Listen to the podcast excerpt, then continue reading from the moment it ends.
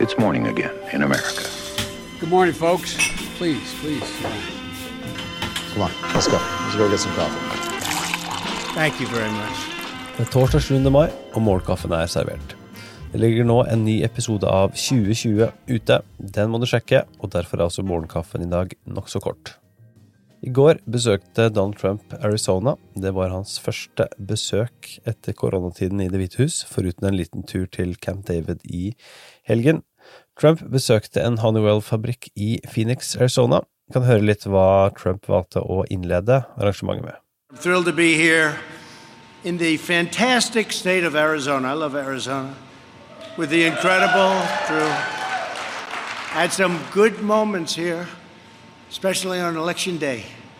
It was a good moment, right?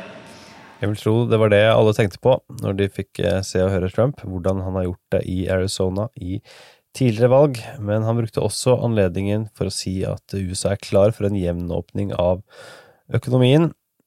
Men vel vitende om eh, skadene en gjenåpning kan medføre, så mener presidenten at det er sjansen han er villig til å ta for å få økonomien tilbake på føttene igjen. Dagens andre og siste sak, du skal jo tross alt høre 2020 nå snart. Trump-kampanjen får kritikk for en ny reklamevideo der et nyhetsklipp fra CNN er redigert på en villedende måte.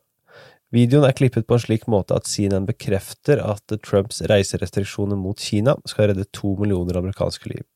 Dette var ikke det som ble sagt hos eh, CNN, som faktisk snakket om at sosial distansering var det som hadde reddet liv. I'm Donald Trump, and I approve this message. My administration will take all necessary steps to safeguard our citizens from this threat. Hysterical xenophobia. Giving Americans a false sense. Is it accurate that if these uh, steps had not been put in place, it could have been 2 million people dead here in the United States? Yes. No matter how Reklamevideoen er forventet å sendes nasjonalt over hele USA i sju dager, og i respons til dette så har CNNs advokater utsendt et brev til Trump-kampanjen om å stanse reklamen og avstå fra å bruke mediekanalens opptak på en falsk og villedende måte. På amerikanskpolitikk.no i dag så kan du også lese om en rekke ulike målinger, så ta turen dit. Dagens utgave av Målkaffen er uansett servert av Ingrid Sofie Stangeby Wendsel og undertegnede Are Togflaten. Dersom du ikke allerede abonnerer på 2020 i podkastappen din, søk den opp og hør på ukas episode.